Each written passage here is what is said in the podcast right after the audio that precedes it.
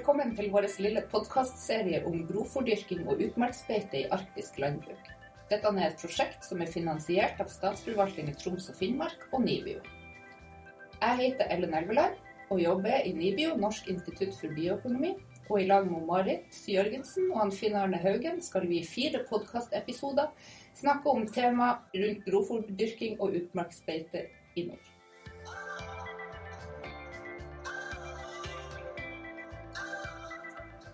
Da ønsker jeg velkommen til podkast nummer to, som skal handle om ulike sorter og arter eh, i eh, eng i grovfòrdyrking. Marit, hva er det som egentlig er greia med det? Hvorfor kan vi ikke bare dyrke én art, og så er alt gullet godt? Hvorfor er det bra å blande? Det er mange årsaker til det. Um, vi må litt inn på økologi. Uh, og økologi er jo spennende. Um, det handler om at uh, ulike arter, og også av og til ulike sorter, har litt uh, forskjellig måte å vokse på. Kan rett og slett utfylle hverandre, både i, tid og i rom. Mm. Du har noen kommer tidlig, noen kommer seinere. Noen arter kan ha litt dypere røtter, hente næring og vann lenger ned. Mens andre arter eh, kanskje hente mer lys, stå litt høyere opp osv.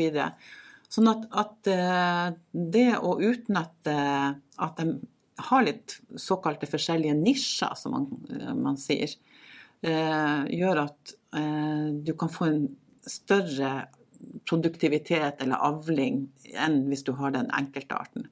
Det er det ene. Det andre er jo at det er faktisk en liten sånn forsikring, det å ha mange arter i lag. Hvordan da? Fordi at eh, hvis du har litt sånn ugunstige forhold, f.eks., for og, og du har kun én art, mm. og den tåler det veldig dårlig, så, så har du ingen eh, Eh, ingen til å ta over, annet enn kanskje ugras. da. Ja. Eh, men hvis du har flere arter i lag, så kan det jo være at en av de artene du har med, er faktisk eh, takler den, det dårligere forholdet. Og dermed kan gi deg avling uansett. Ja.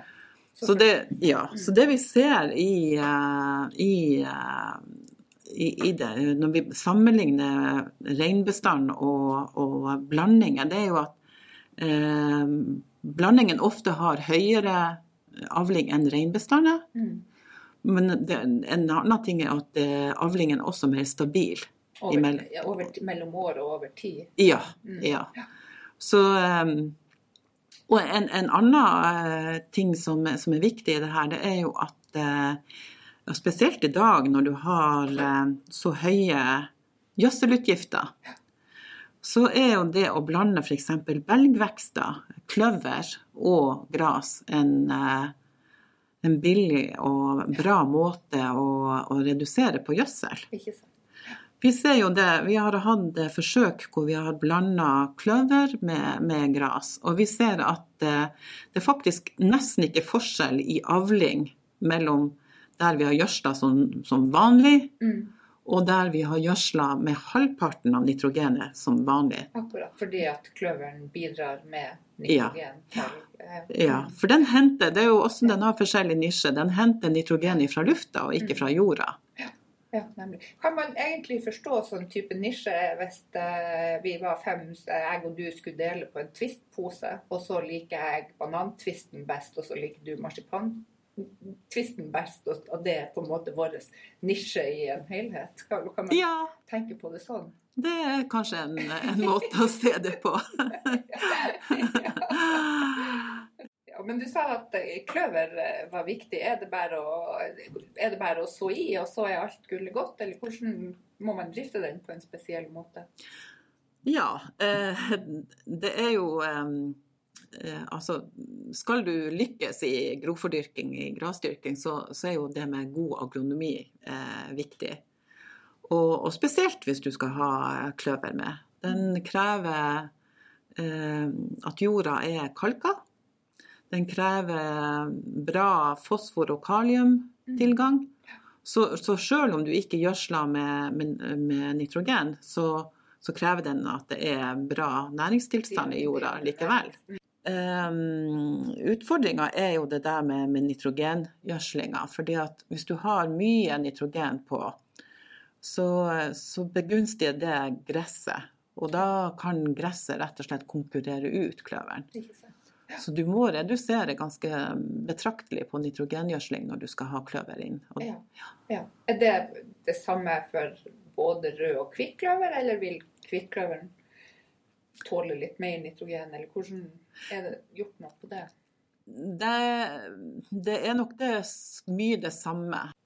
Du kan si at når det gjelder hvitkløver, så er den jo fin å ha inn i ei blanding. Mm. Men i, i, når du eh, dyrker det til, til slått, til siloslått, mm. så ut, vil den ofte utgjøre ikke så veldig stor andel av, eh, av bestanden. Så rødkløveren er kanskje enda viktigere enn en, eh, ja, men, men, det, er fint å ha hvitkløver inn også, fordi at den vi snakker jo om det der med forskjellige nisjer, ja. og, og hvittkløveren vokser jo på en helt annen måte enn rødkløveren. Ja, den er litt sånn mer nedi der. Ja. ja. Mm. Den, eh, den, eh, Blant annet så, så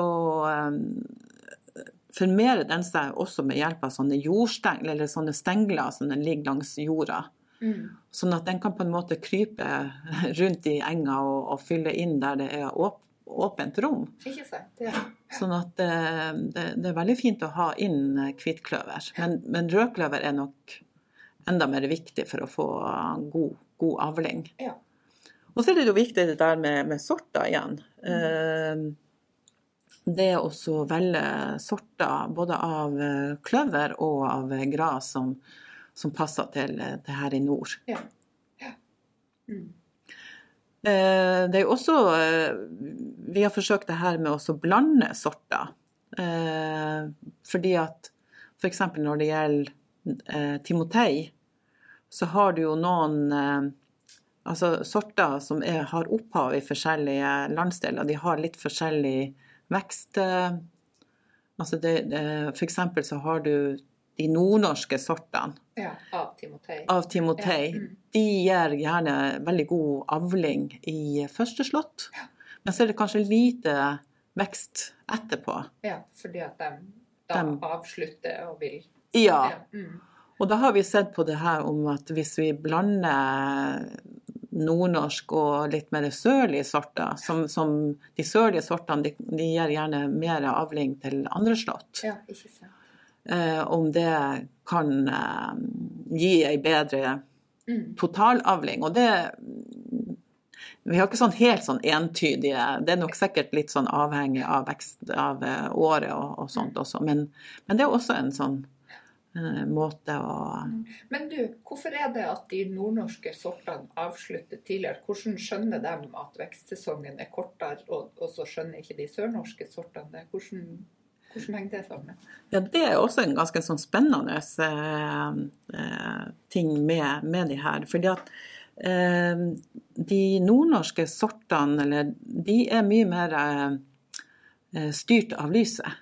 Altså de, de rett og slett eh, oppfatter at dagen er blitt kortere, at lyskvaliteten endrer seg når dagen blir kortere. Ja. Og dermed så, så begynner de å, å, eh, forberede seg på vinteren. Stoppe, ja. uh, redusere veksten og begynne å heller å, å opp, lagre opp uh, opplagsnæring, altså sukker og, og ja. det som de trenger for å overleve vinteren. Mm. Mens de sørligere sortene, uh, de er mer styrt av temperatur. Ja, nemlig. Så det, da, det, vil jo si at dersom du har en varm høst, så kan de fortsette å vokse utover høsten. Ja. Og det kan eh, Hvis du da får en vanskelig vinter, så, eh, så, kan det være For da har de på en måte ikke hatt tid nok til å, til å, avslutte. Til å avslutte og til å lagre opp eh, opplagsnæring. Mm. Og det er kanskje en av, eller, ja, en av de viktigste grunnene til at når klimaet endrer seg, at man ikke bare kan ta sørlige sorter og flytte nordover. fordi at lyset hos oss vil jo ikke forandre seg.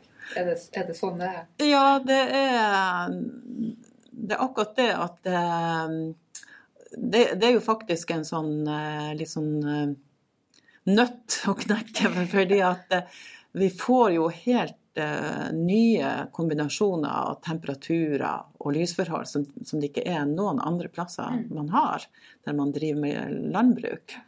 Fordi at vi driver landbruk såpass langt nord. Uh, og, og, det der med at vi får varmere høster, mm.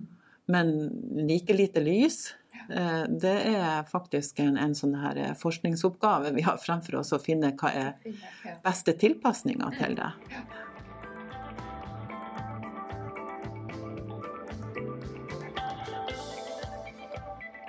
Da har vi ringt opp hun Ingvild Lauland Høie og Ragnhild Renna, som er grovfòrrådgivere i NLR Nord-Norge, for å snakke litt med dem om eh, problemstillinger rundt eh, arter og sorter og blandinger.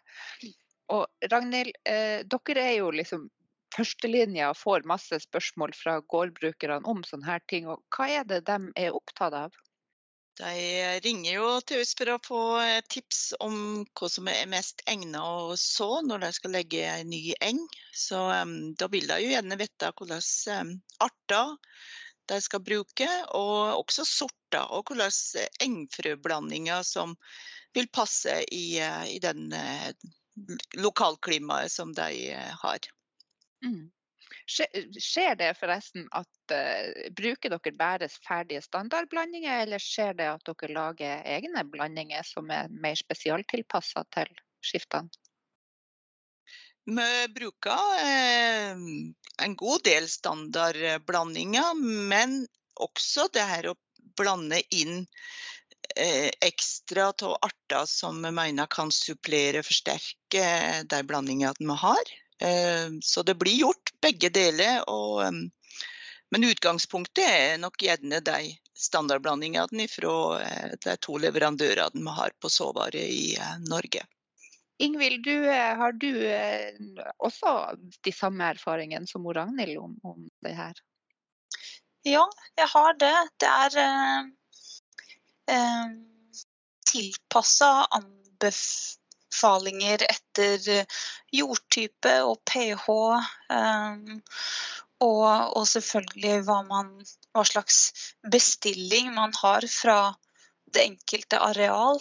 Um, det å supplere med frø, som Ragnhild snakker om, i, i engåra. Da. Både med kløver og raigras, hundegras.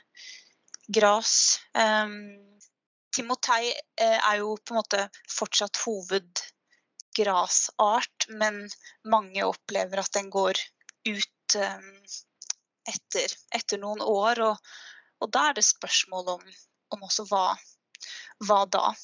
Mm. Ja, ja, nemlig. Du nevnte kløver. Uh, og det er jo en art med uh, En interessant art som, som, uh, som, man gjerne vil ha i blandinger. Og, Ragnhild, hva er de praktiske erfaringene hos bøndene med kløver? Funker det?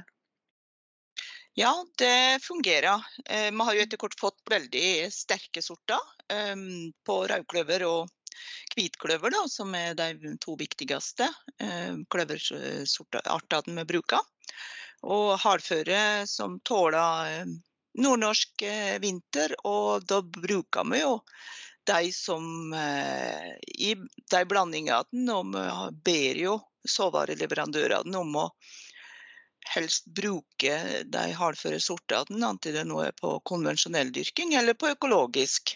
Mm. Og anbefaler også dersom det ikke er de beste kløversortene i eh, f.eks. de økologiske godkjente blandingene, så anbefaler vi at eh, det blir søkt om dispensasjon til å bruke en konvensjonell blanding med en god sort. Eller kjøpe reinfrø og så inn eh, ekstra.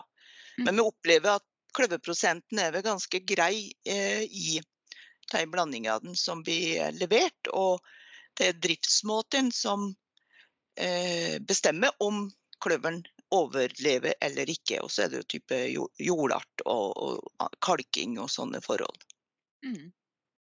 Marit, hva, hva, er det kløveren har som er så eh, bra og fordelaktig i ei, ei blandingseng? Det er jo det kløveren gjør, er jo å hente nitrogen fra jorda, nei, fra lufta istedenfor fra, fra, fra jorda, eh, den, eh, den, har jo symbiose med, med ritsobium, som vi kaller det.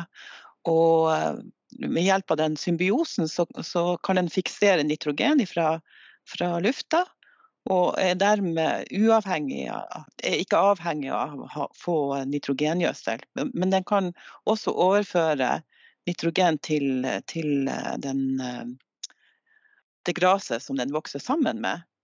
Mm.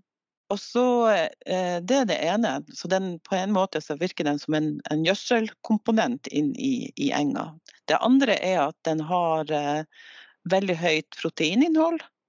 Eh, og veldig god fôrkvalitet. Og dermed så kan den eh, bidra til å heve proteinnivået i, i fôret. Så den har mange positive egenskaper som er bra å få med. Ja. Men det er jo eh, også andre arter i grovfòrdyrkinga som begynner å bli mer og mer aktuelle. Og bl.a. hundegras eh, øker litt i popularitet. Ingvild, merker dere noe til det? Har dere prøvd noe? Ja, absolutt. Det, det er um, flere og flere som, som syns at den virker interessant, og som vil prøve ut. Og, og, um, og, og det gjøres egentlig i hele Nord-Norge, altså fra innland til kyst. Um, um, hundegras er jo også den, den, den, har veldig sterk eh, konkurranseevne, så vi, så vi, anbefaler stort sett den i reinbestand. Men den, den, kan gi veldig veldig gode avlinger eh, og, og bør, bør, høstes tidlig. Um, de siste avlingstallene jeg, jeg fikk fra Innlandet her i Troms da, på, på, en 150 meter over havet var over 600 kilo tørrstoff per dekar. Og det, det, skal man jo være fornøyd med første år. Så, så den, den, er mer og mer populær. og og, og, og, det er også noe vi anbefaler på arealer som er utsatt for gåse, beiteskader. Um, som, som, sikkert Ragnhild kan, kan, si mer om um, med hennes erfaringer fra Andøya og Vesterålen. Ja, Ragnhild, hva, hva, tenker du? Ja, jeg tror um, det ser ut som at hundegras og for så vidt flerårig reigras er gode arter å ha der du har et uh, stressa beiteregime. Um, med både gås, eh, det kan være kanskje når eh, hjorten kommer, som er på, eh, på Møre og, og, Trøndelag. Og det her med ja, gras som tåler beitetrykk, det er jo et bladgras, så det har jo en gjenvekst som er helt annen enn timotei. Og derfor kan tåle dette her med flere slåtter i, i, tillegg. Da. Så, så, hundegras er absolutt en uh, art å regne med. Og særlig nå når vi gjennom en periode har uh, fått uh, prøvd oss fram og funnet ut at sorten Laban kan tåle klimaet vårt overvintra greit på kyst og i sandjord lettjord. jord. det skal ikke være eh, søkk der det kan bli eh, isbrann. Han liker seg dårlig på tyngre jord, som myr. Så, så jeg syns hundegras leverer veldig. Og kvaliteten er god, fordi at vi må bare tenke høstetidspunkt når hundegraset er ferdig, og høste den tidlig nok så, så, vil den gi et veldig godt fôr for, eh, for eh, det husdyret eh, som en har. Og vi har både storfebønder og, og på mjølk, og vi har sauebønder som, som, bruker hundegras. Og så den tidlig, har den en tidlig vekststart, så den kommer jo tidlig om våren og kan være et, et godt vårbeite i tillegg. Mm, nemlig. Ja. Men den er jo eh, etter hvert kjent for å være litt vanskelig i blandinger. Hvorfor er det, Marit, eh, at den, den kanskje blir litt aggressiv? Ja, eh, den, eh, den, er jo en aggressiv art. Eh, og noen undersøkelser viser at det kan være sånne såkalte Eh, allelopatiske effekter. Dvs. Si at den utskiller stoffer som eh, hindrer eller hemmer veksten hos andre arter. Både eh, frøspiring og veksten hos småplanter av andre arter. Så det kan, Selv om dette ikke er helt sikkert, så, så er det mye som tyder på at det kan være sånne effekter som gjør at den konkurrerer ut de andre artene. Men, men, den kan jo sås. Eh, man kan jo så den i ei blanding, men bare være klar over at etter hvert så vil eh, den enga stort sett bestå av, av, eh, av hundegras. da. Ja, nemlig. Ja, det var rødkløveren og hundegraset. Er det andre arter som, som, dere har prøvd i NLR som, ja, som har potensial å virke aktuelle her nord etter hvert? Ingvild? Ja, vi har nå Det her kan sikkert Ragnhild mer om enn meg. Men bladfaks er prøvd ut. Uh, spesielt godt egnet på sandjord. Og ellers strandsvingel og, og noe raisvingel. Ikke mye, men noe. Ehm, så vi, vi, eh, vi, forsøker jo å tenke, tenke litt eh, alternativt og litt, litt, spennende, holdt jeg på å si. Og tenke flere arter eh, i, i, enga for å på en måte skape en robusthet. Da. At man ikke er avhengig av den, den ene. Ehm, ja. Takk skal du ha. Ragnhild, har du noen eh, siste ord på veien? Ja, jeg vil jo egentlig bare um, støtte uh, Ingvild i det at um, bladfaks bør folk absolutt prøve på kalksandjord der det har høy pH, tørkesvak jord. Fordi at den er veldig godt egnet til å gi store avlinger på sånn type jord der iallfall eh, Timotein kanskje ikke greier seg eh, over tid, men eh, kan være med helt i starten. da. Vi bruker jo å så de to i, i, lag, sånn at det blir avling, for bladfaks er jo en sein etablerer. Så har vi likedan på tørk, tørkesvak jord så har vi jo strandsvingel, som har et enormt rotsystem. Og det vistes jo eh, under den tørkesommeren som vi ikke opplevde her i nord, men i sør i 2018, og eh, kanskje særlig over mot Finland og, og Sverige, som eh, har brukt strandsvingel i, i, veldig mange år.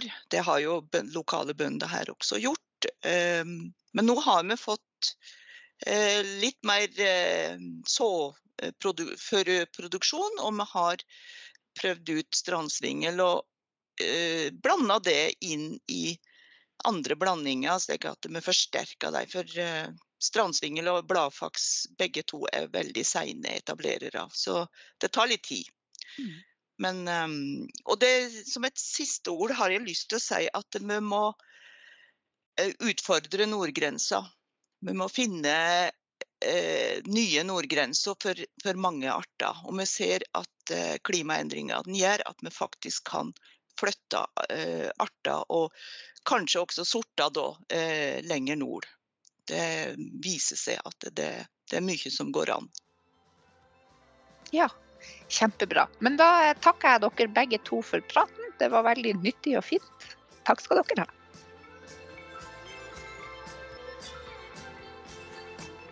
Du har nå hørt en podkast fra Nibio. Jeg heter Ellen Elveland, og jeg hadde med meg Marit Jørgensen. Og vi snakka med Ingvild Lauland Høie og Ragnhild Renna, som er rådgivere i NLR Nord-Norge.